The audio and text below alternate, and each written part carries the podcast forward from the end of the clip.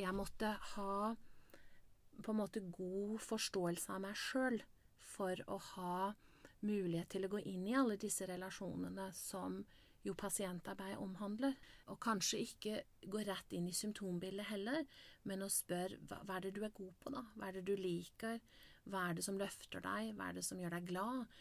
At også det kan være en del av et sånt første møte. Mm. Selv om du kommer med en tyngde som, ja, som for mange slår beina under deg, da.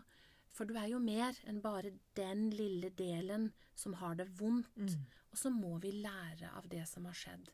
Og, og ofte handler det faktisk også om å lære av pårørende og partnere som vi jobber med. Altså, hva, kunne, hva kan vi gjøre bedre neste gang?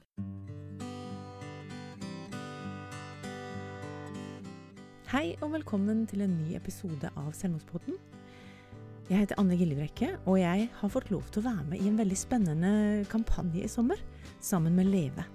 Kampanjen heter Leve for alle, og vi ønsker at du skal få mulighet til å være medlem i denne flotte organisasjonen. Hvorfor skal du det? Spesielt hvis du tenker at det kun er for etterlatte. Leve har arbeidet i over 20 år for at etterlatte ved selvmord skal få hjelpen de trenger. Og nå vil de også bidra til å forebygge selvmord i kraft av etterlatte stemmer, men også å bidra til å forebygge selvmord gjennom åpenhet, opplysningsvirksomhet og politisk arbeid. Men de trenger flere medlemmer. Og med flere medlemmer så vil det bli synlig for alle hvor stort et samfunnsproblem selvmord faktisk er. Hvor mange som er etterlatt?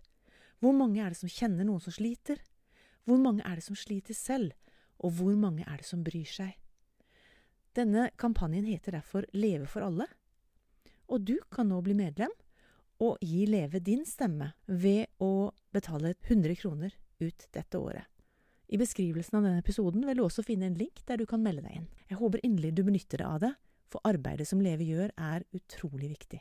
Joyce Bigao, leder for DPS Østre Agder. Velkommen tilbake igjen til oss i Selvmordspodden. Tusen takk, Anne. Dette har vært en litt sånn eh, dag hvor vi har gjort veldig mye. Men akkurat nå så har jeg lyst til å stille deg dette spørsmålet. Ja. Hvorfor i all verden valgte du å bli psykolog, Joyce? Nei, det er et godt spørsmål. For jeg tror egentlig det var litt tilfeldig. Um, jeg, Det var ikke sånn at alle i klassen din tenkte ja, det er det jeg skal jobbe med, jeg skal bli psykolog. jeg. Nei, tvert imot så tror jeg ikke vi tenkte så veldig mye på hva vi skulle bli faktisk den gangen. Men når jeg tenkte på psykologi, så var det fordi at jeg hadde jobba både i ungdomsskolen og videregående skole, men også som frivillig medarbeider seinere i noe som heter Operasjon Dagsverk. Oh, ja. Operasjon Dagsverk var veldig viktig for meg når jeg vokste opp. Det heter Og- noe annet nå, men, men Jeg, kanskje gi en dag, eller noe sånt. sånt, ja. Og det, det som skjedde da, det var jo at jeg ble veldig sånn engasjert i å kunne hjelpe. Mm. Og det å se endringer hos folk eh, som får hjelp, det syns jeg var spennende. Så jeg var faktisk også et år i det som kalles hovedkomiteen til Operasjon Dagsverk, og bodde i Oslo mens jeg tok eh, noen studier på universitetet. Så du var med og valgte ut hva, hvilke prosjekter dere skulle støtte og sånn også, eller? Eh, ja, på sett og vis. Jeg, jeg kan faktisk ikke huske hvordan det var vi gjorde det den gangen. Nå begynner det å bli ganske mange år siden. Jeg begynner å bli en gammel dame. Det hadde jeg ikke trodd når jeg ser på deg, men Eh, sånn er det. Eh, Ja, så, så det blei vel en sånn en greie at det å være i relasjon, det å snakke med mennesker, det å kunne være en god påvirker av noe som hjelper, da, Mm. det syns jeg var veldig, veldig givende. Eh, Så blei det sånn at jeg til slutt valgte å studere eh, psykologi i Tyskland. Ja. Du skal ikke Deutsch, liksom? Ich spreche Deutsch. Ja, ikke sant. Kan vi stoppe der, for jeg vet ikke om jeg Det kan så mye mer. fint. Men har du angra på det valget, Joyce? Jeg har aldri angra på det. Nei. Jeg tror at jeg valgte så riktig som jeg kunne noen gang. Og både i studiet og seinere når jeg hadde mine første ansettelser, da, eh, så kunne jeg kjenne på at eh, dette Altså det å gå på jobb, det har omhandla det å ha det bra. Eh, Det, det var givende For din del, liksom. Ja. ikke, for det er jo mange som hater jobben sin, og de bare tenker at jeg gleder meg til jeg blir pensjonist, liksom. Nei, det har det jeg det er aldri tenkt. Altså, det, jeg, jeg, jeg, jeg står opp om morgenen og tenker å, så gøy det er å gå på jobb. Ikke sant? Og det, og det er altså, Ellers hadde jeg ikke kunnet gjort dette, tror jeg. Mm. Fordi um, jeg tror det er viktig å eh, brenner litt for dette. Mm. Og jeg tror at eh, mange mennesker som, eh, som jeg jobber med, har samme holdning, hvis du skjønner. Ja. At det å stå opp og ha et yrke som, som har sånn et Altså, det er jo en verdi, det å hjelpe Det hjelpe utgjør en forskjell. Ja, Mm. og jeg tror at det, det er jo litt sånn egoistisk, ikke sant? for jeg føler meg bedre, selvfølgelig. Mm. Men det å ha det som en verdi, og at det da kan gjøres i jobben, liksom flere timer hver dag. Mm. Eh, Altså, hvor heldig er jeg, tenker jeg. Det er sant. Og når du snakker om det, hva er det mest spennende du har Altså Jeg vet det er vanskelig å velge én ting, men hva er det mest spennende du har jobba med hvis du skal ta profesjonelt etter at du ble psykolog? Hva er det du har likt aller, aller best? Um, åh. Jeg har helt fra starten av likt å jobbe Altså ha det menneskemøtet. Ja. Altså sånne første menneskemøter, de gjør alltid noe med meg. Og det er nok fordi at da er det to mennesker som møter hverandre, og ikke nødvendigvis en psykolog som møter en pasient, da. Og leiter etter en diagnose så kjapt som mulig? Det har nok aldri vært noe jeg har gjort. Nei. Eh, Vi skal eh, gjøre en profesjonell jobb i den forstand at vi skal se hva er symptombildet, og vi skal jo sette en diagnose, og, og det gjør vi jo. Men samtidig så var jeg nok oppdratt på studiet i en ånd som var sånn at du møter først mennesket. Uh, og det er jo Tyskland ligger litt foran eh, en god del land i måten de tenker på. Men altså, sånn, Ja, gjør de altså, ikke det? jeg opplevde vel kanskje det. Uh, Det var veldig tidlig sånn at uh, det som kalte sjefslegen min da i Tyskland, han fikk oss til å løpe ut og klemme på trær i pausen. Ja, vi, en, ja, vi klemte på trær faktisk én gang hver dag. Det var noen svære, Hva heter det på flotte tysk? eh, Altså boimedrücken. Ja, ikke sant. Eh, og det, det var noen svære, flotte trær ute i sånn sykehuspark. Eh, han sa det vær i øyeblikket og kjenn på det du kjenner på. Og jeg må jo innrømme, som nyutdanna psykolog, så tenkte jeg Jeg tenkte jo hvor teit er det her? Mm. Å løpe ut der og stå og holde på et tre. Mm. Men alle skulle jo gjøre dette.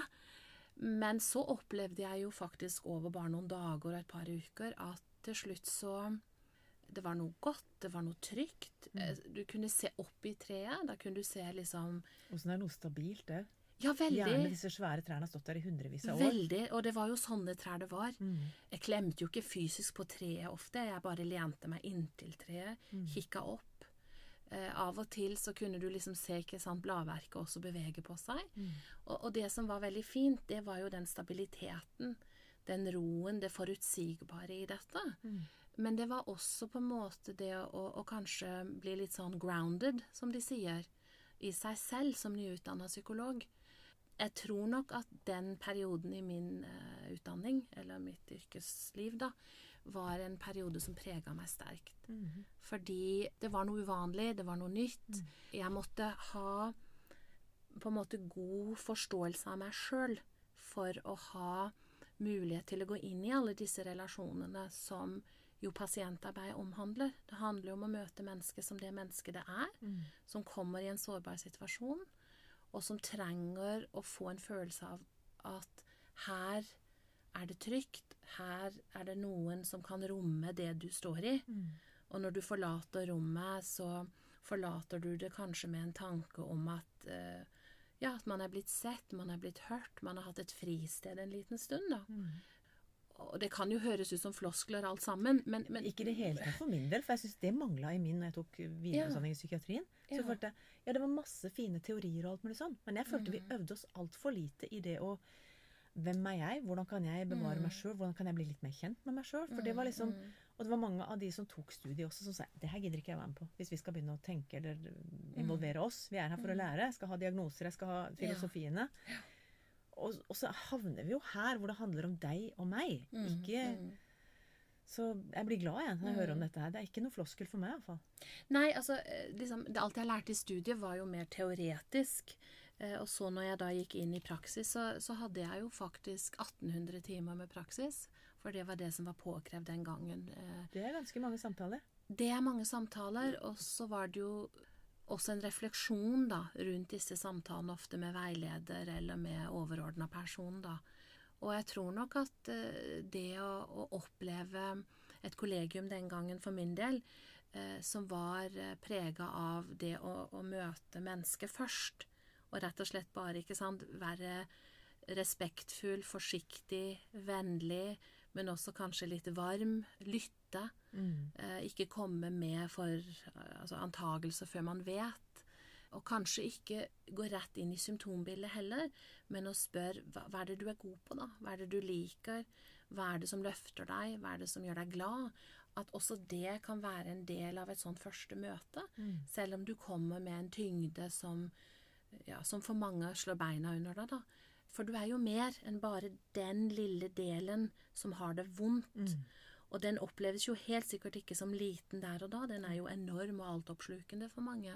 For mange har de jo brukt ganske mange år på å Ja. skjule disse tingene. Så hvis du kommer inn akkurat som du gjør mot en ja, Det er jo dum sammenligning på en måte, da, men hvis du ser en, en hund som har vært skada, så skal du jo ikke og står og flerrer tenner, ikke sant, for han skal beskytte seg sjøl. Mm. Så løper du ikke rett hen. Så det er jo litt det du snakker om, at så, som mennesker så trenger vi jo også at eh, du får tillit. Du kan ta Mm. litt og litt av gangen. Ikke nødvendigvis løken som skal skrelles helt til endes. Det er iallfall sånn jeg ser det for meg. For jeg, Mm. jeg har jo snakka med mange, og også har assosiasjoner til sønnen min, Ja. som skrev at jeg prøvde å gå til psykolog, men jeg, jeg, jeg fant ut at jeg kom aldri til å klare å snakke om det som virkelig gjaldt. Mm, mm. Og det er litt sånn derre Ikke for å disse hans sin psykolog, men, Nei, men det er kanskje mange som er der hvor det, jeg har prøvd, Mm. men det gikk ikke. Mm. Så det du forteller om at du, du prøver å få fram noe håp, prøver å Mm. åpne litt grann på noen vinduer, så ikke en bare skal gå rett inn og snakke om mørket, liksom. Mm. Og så er det jo sånn vi har det alle sammen, at vi har jo menneskemøter hver dag. Mm. Så menneskemøter er kanskje ikke så skumle som pasient og psykolog, eller pasient og lege og pasient og hva vet jeg-møte. Mm. Så det er noe med å kanskje liksom eh, være litt ydmyk også som fagperson, da, for at det mennesket jeg møter, sitter på den erfaringskompetansen. Sitter og vet hvor skoen trykker. Sitter og vet hva som hva må, løs, hva må det løses opp i, da? Ja. Eh, for at liksom det lysglimtet kommer tilbake, eller den, det neste steget blir synlig der og da, ikke sant? Jeg, jeg tror mye handler om varsomhet, og det å eh, ikke gå liksom sånn for kjapt inn i rollen sin, da. Eh, og det er ikke så enkelt. Verken for den som trenger hjelp, eller den som skal bistå. Mm. Man må ha en sånn inntuning eh, til hverandre, da. Jeg har tenkt å spørre deg om det, det verste, som er den største utfordringa du har hatt òg. Kan du si noe veldig kort om det? For nå er eh, klokka litt sånn at eh, vi skal både med busser, og du skal i møter og Ja, um, jeg, jeg, jeg syns jo det verste er å, å miste, miste en pasient. Mm. Uh, jeg tror det verste er jo når jeg er ansvarlig for et DPS uh, som, som har mange medarbeidere og mange pasienter, og uh, en pasient tar eget liv, Mm. så er det det verste. Mm. Og det er jo det verste for de som mister dette mennesket. Eh, og da, da har jeg alltid tenkt sånn at nå må, vi, nå må vi liksom gå igjennom og se hva er det som har skjedd. Og så må vi lære av det hvis det, hvis det er noe vi skal lære. Mm. Men samtidig så tror jeg det er utrolig viktig på begge sider av dette å eh, ivareta, støtte, forstå. Det gjelder jo selvfølgelig pårørende, og også andre personer som eh, pasienten eller brukeren da hadde relasjon og kontakt til. Det gjelder også faktisk fastlege eller kommunale hjelpere eller andre hjelpere. Og så er det jo også den biten som jeg kjenner et stort ansvar for på i tillegg. Det er jo å ivareta medarbeiderne. Mm. Altså den behandleren som har liksom stått i dette med eh, brukeren, og som også på en måte da ikke sant, kan spørre seg sjøl tusen spørsmål. Så det er ditt ansvar også. Har du, har du direkte kontakt med, med, eller direkte behandling nå, eller har du mer bare ansvar, eller ikke bare ansvar for 15 kommuner og de ansatte, men har du også én-til-én-samtaler nå? Jeg har noen få pasienter. Ja. Det har vært viktig for meg, sånn at jeg vet litt hva pasientene Nei, medarbeiderne mine står i. Mm. Men du har hovedansvaret for Hvor mange ansatte har du? Eh, Vi er vel en ca. 200 personer som Som du er leder for? Nei, jeg er overordna leder. Ja. Så de har jo både enhetsleder og teamleder. Mhm. Men det er klart de alvorlige hendelsene, hvis en pasient får alvorlig skade, eller hvis en pasient da dør, tar eget liv, eh, så er det mitt ansvar å sørge for at jeg tar godt vare på alt som skjer rundt dette. Og det er jo pårørende, oppfølging, det er på, oppfølging med eh, de som er involverte. Mm. Og det er jo mange aktører ofte. Ja. Og så er det jo de medarbeiderne som, eh, eh, som, som mister sin pasient, og, og som også da har mange spørsmål og, og som også kan plages av, av spørsmål som Har jeg gjort noe galt? Mm. Var det noe jeg overså? Mm. Hvordan skal jeg møte pårørende nå? Ja. Er de sinte på meg? Og, og på den andre siden, sant, pårørende, søsken, foreldre, bestevenner som, som står litt maktesløse og liksom har sorg og sinne og fortvilelse og, og alt blanda litt oppi alt, Mm. og som da liksom kanskje ikke har tillit der og da, eller som har mange spørsmål, eh, vil ha journalen fortest mulig for å se hva har dere gjort, hva har dere ikke gjort. Nå er det jo klart, nå spisser jeg jo det litt for at, at man kan se at det er mange nyanser rundt Det det. eh, en sånn en svært uh, forferdelig situasjon, da. Mm. Men vi må da tenke at vi må gjøre så god ivaretagelse som mulig. Mm. Og så må vi lære av det som har skjedd. Og, og ofte handler det faktisk også om å lære av pårørende og partnere som vi jobber med. Altså, hva, kunne, hva kan vi gjøre bedre neste gang? Og dette, Joyce, jeg beklager jeg må avbryte deg, men, men klokka er så mye at vi må, altså begge vi to har jo møte vi skal løpe Ja. i nå. Så når du begynner å snakke om dette, erfaringskompetanse, hvor betydningsfullt det kan være fag og erfaring på samme lag, altså dette her, det må vi fortsette å snakke om. Kan jeg få lov å invitere deg tilbake igjen? Vær så god. Tusen hjertelig takk for du kom, Joyce. Ja, tusen takk for at jeg fikk komme. Til slutt vil jeg fortelle deg hvor du kan få hjelp. Hvis du trenger helt akutt hjelp, ring 113. Legevakten har telefonnummer 116 117. Mental Helse, som er en døgnåpen krisetelefon, har telefon 116 123. Ellers kan du ringe Kirkens SOS, som også er en døgnåpen krisetelefon, på 22 40 00 40. Leve er Landsforeningen for etterlatte ved selvmord. De arbeider for at alle som er berørt av selvmord, skal få den hjelpen de trenger. Kors på halsen er Røde Kors sitt lavterskel samtaletilbud for barn og unge under 18. De er oppe fra mandag til fredag. Snakk om psyken er Blå Kors sitt chattetilbud for barn og ungdom fra søndag til fredag. Ellers har stiftelsen Lillebrors minne omsorg for etterlatte, og der kan du få både samtaler avtalt, og du kan få være med på noen av de flotte arrangementene som de tilbyr. Da håper vi at du også blir med oss i neste episode.